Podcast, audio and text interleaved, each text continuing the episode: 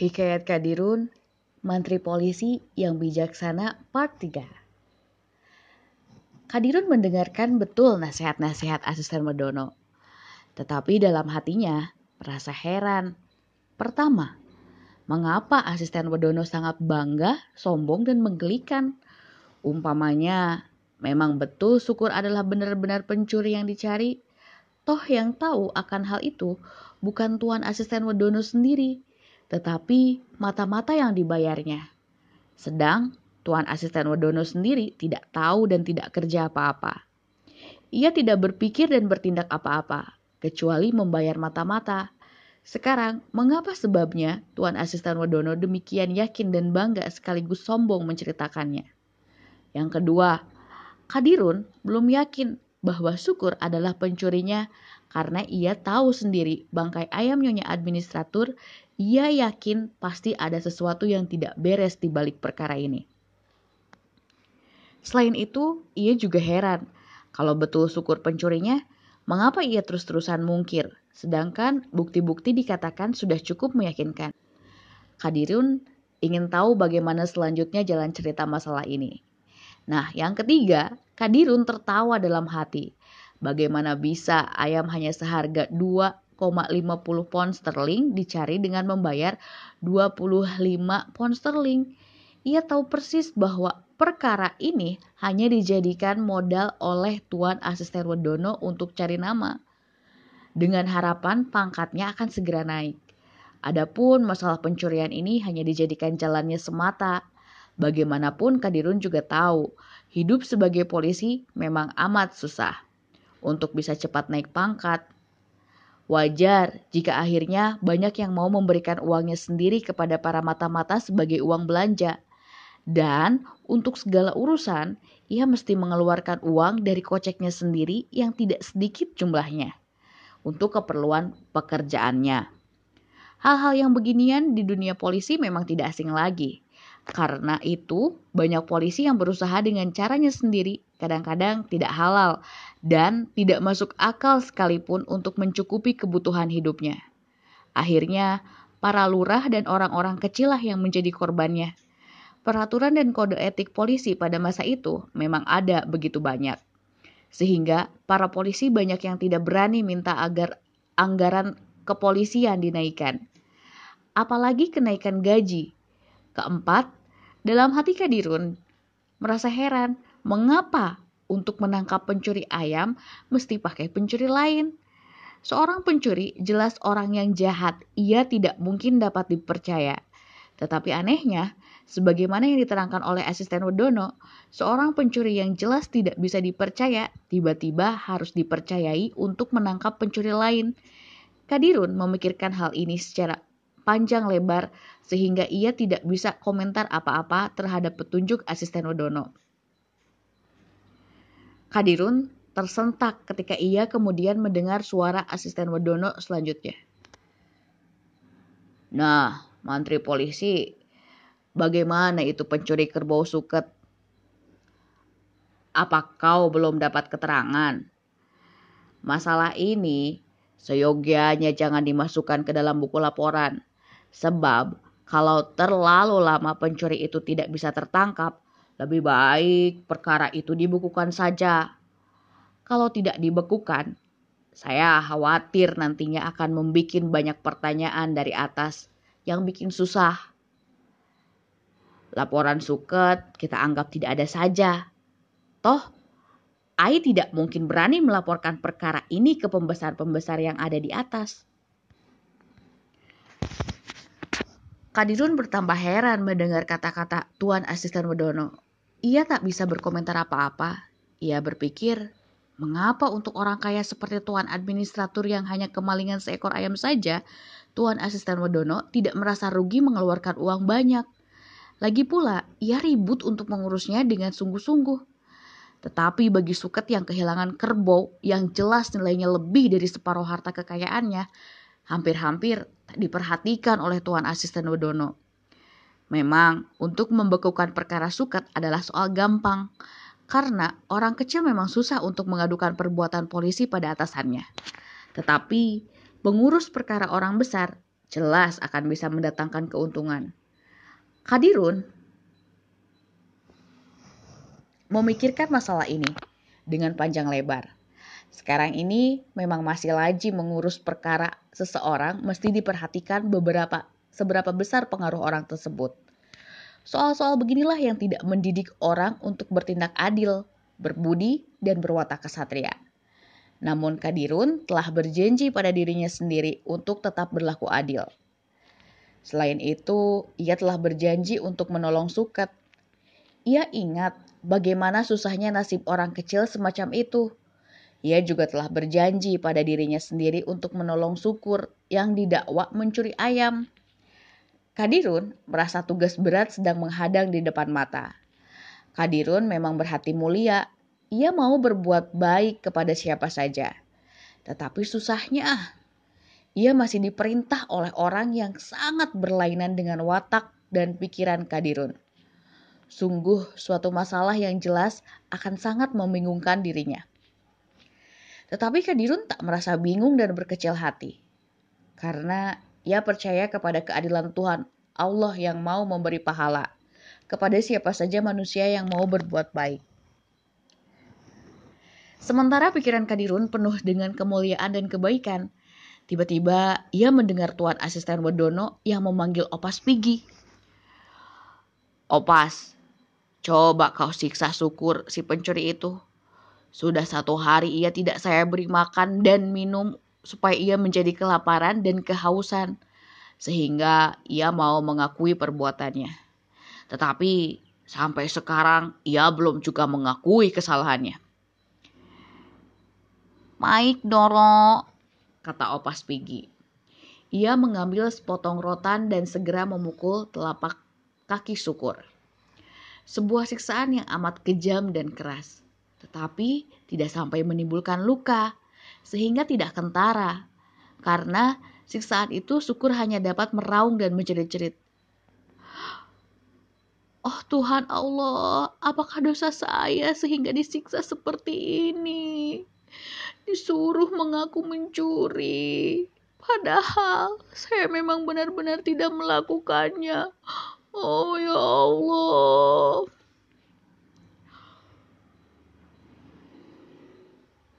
Pukul lagi yang keras, kata asisten Rodono.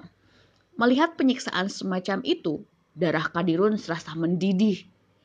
Ia ingin sekali menolong syukur. Tetapi ia pikir belum waktunya untuk memberi pelajaran pada asisten Wedono.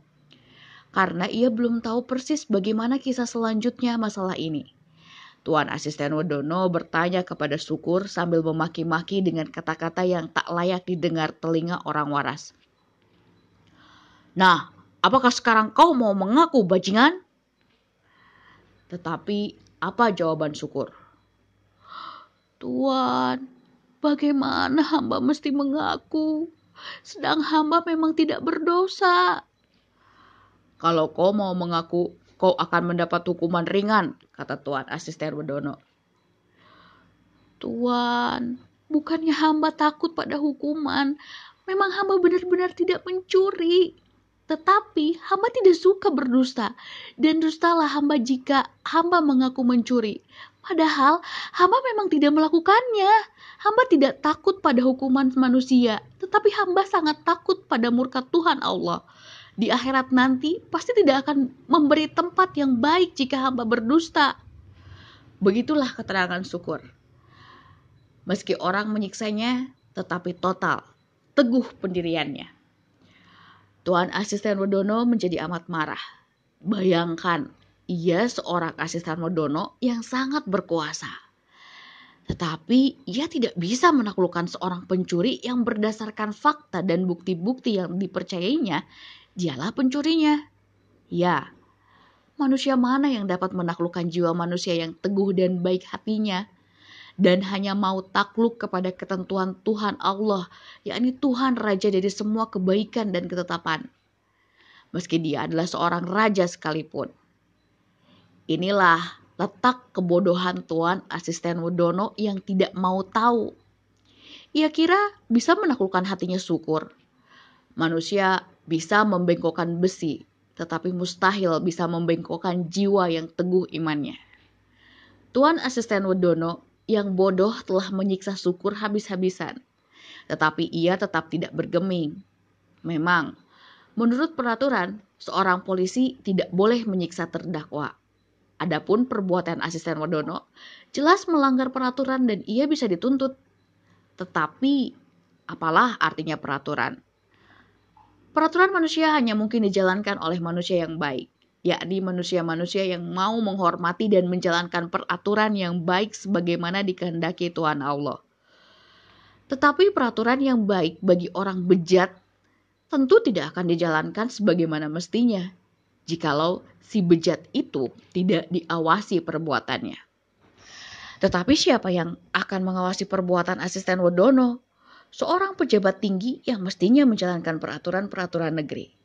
Sedangkan perbuatannya tidak diawasi oleh atasannya. Sementara yang bisa mengawasi perbuatannya hanya orang-orang yang ada di bawahnya. Orang-orang yang ia perintah, orang-orang kecil dan lain-lain. Tetapi orang-orang ini tidak bisa berbuat apa-apa, karena memang ia sangat susah jika akan mengadukannya pada para pembesar. Apalagi sesudah ia mengadukan, kalau tidak sedang bernasib baik, ia akan difitnah yang, yang bisa-bisa mencelakakan dirinya. Hal-hal yang serupa ini umumnya di seantero dunia sering terjadi di dalam negeri yang rakyatnya tidak mempunyai kekuatan untuk turut memerintah negerinya sendiri.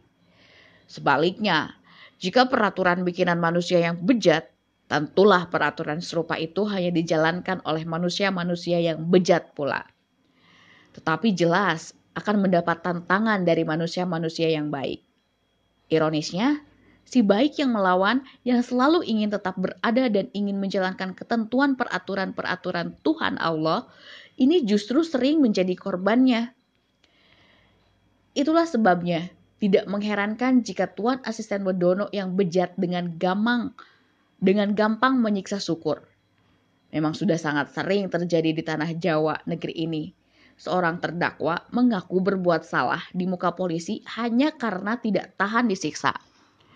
Tetapi di muka pengadilan, ia sering mungkir atau mencabut pengakuannya dan ia menjelaskan pengakuan itu ia buat semata karena ia hanya tidak ingin disiksa. Inilah yang membuat kusutnya perkara sebab akan semakin susah membuktikan apakah seorang terdakwa itu benar-benar bersalah atau tidak. Kadirun memikirkan hal ini dengan panjang lebar. Kadirun menyaksikan sendiri bagaimana syukur tetap mangkir, tetap mungkir. Maka ia yakin orang macam syukur memang selalu ingat kepada Tuhan Allah.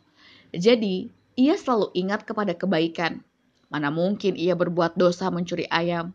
Kadirun yakin, di balik perkara ini banyak hal yang ganjil.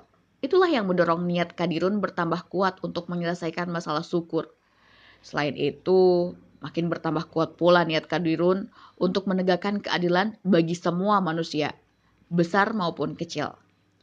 Jam 9 malam dengan pakaian serba hitam, Kadirun berangkat sendirian. Ia membawa beberapa tali untuk mengikat beberapa orang, dengan satu revolver, revolver dan beberapa peralatan lainnya. Pergilah Kadirun ke rumah Sukat. Ia bersembunyi, tidak kelihatan orang, menunggu pencuri kerbau yang akan mengambil uang tebusan sebesar 25 pound sterling. Ia diam, bersembunyi, sambil terus mengawasi persis seperti pencuri. Pada saat itu, ia ingat petua-petua Tuhan asisten Wadono yang bodoh itu pencuri harus ditangkap oleh pencuri. Tetapi Kadirun merasa dirinya bukan pencuri. Itulah sebabnya ia menjalankan pepatah Tuan Asisten Bodono dengan membuat pepatah sendiri. Pencuri harus ditangkap dengan cara pencuri.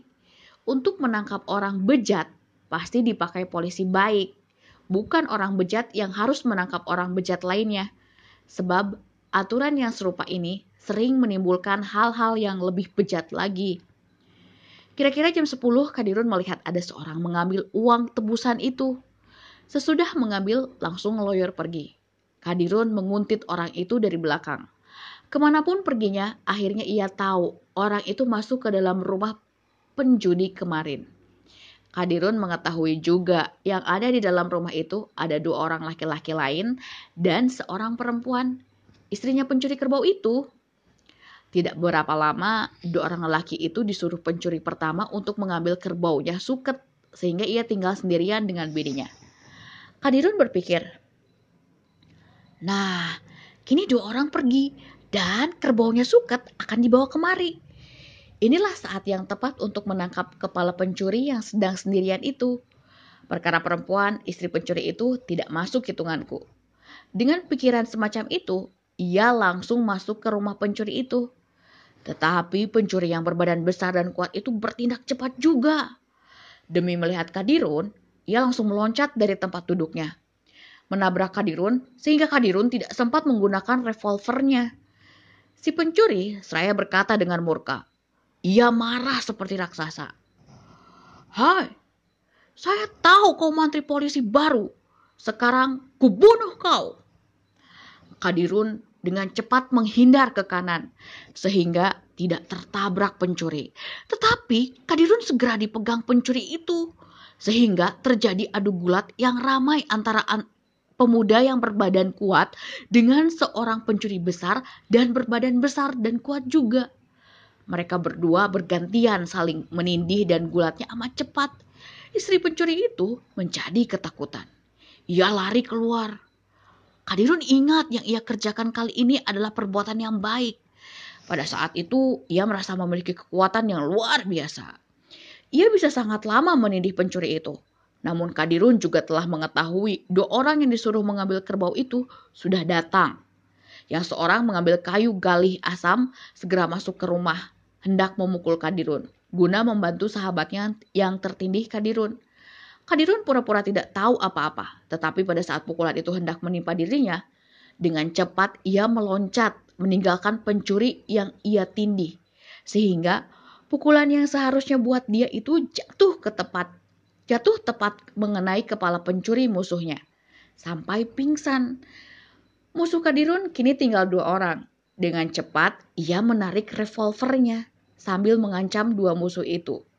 Ia berkata, Awas, diam, jangan bergerak. Sebab kalau kau nekat, akan kutembak kau. Kedua musuh itu lalu diam. Yang satu dilempari tali oleh Kadirun. Disuruh mengikat pencuri yang sedang pingsan. Serta satu pencuri lainnya. Habis itu, maka Kadirun mengikat sendiri pencuri nomor dua itu sehingga Kadirun dengan gagah berani sudah berhasil menangkap ketiga pencuri yang sangat berbahaya. Sungguh sangat mengherankan. Kadirun menang karena ia didasari oleh kebenaran, keteguhan hati, serta cepatnya ia bertindak yang terbawa karena keberanian dan keteguhannya itu. Maka uang 25 pound sterling itu kembali ke tangan Kadirun. Sehabis mengatur semuanya yang ada di situ, ia dengan berbagai cara berusaha membangunkan pencuri yang pingsan. Akhirnya ia berhasil juga Kadirun segera bertanya nama pencuri yang baru saja siuman dari pingsannya. Namun, betapa terkejutnya hati Kadirun ketika mendengar jawabannya. Nama saya Sukari. Sekarang ternyata Kadirun sudah dapat berhasil menangkap mata-mata yang amat dipercaya oleh Tuan Asisten Wedono. Kadirun menjadi bertambah heran ketika yang dua lainnya memberikan pengakuan namanya Durahim dan Nojo. Kedua-duanya menjadi saksi dalam perkara pencurian ayam si Sukur. Segera Kadirun yakin ketiga orang ini ikut berdosa dalam perkara Sukur tersebut. Tetapi Kadirun menjadi khawatir. Jangan-jangan ketiga pencuri itu tidak akan mau memberi keterangan tentang hal ini. Kalau tidak diusahakan suatu hal yang halus, oleh karena itu ia memanggil istri Sukari dan berkata pada Sukari, Hei Sukari, Lihatlah binimu ini. Saya tahu kamu sangat mencintai binimu. Oleh karena itu, jangan sekali-kali mungkir kalau saya tanya agar kamu tidak mendapat hukuman yang terberat dan supaya kamu lekas keluar dari bui guna meneruskan perkawinanmu dengan binimu.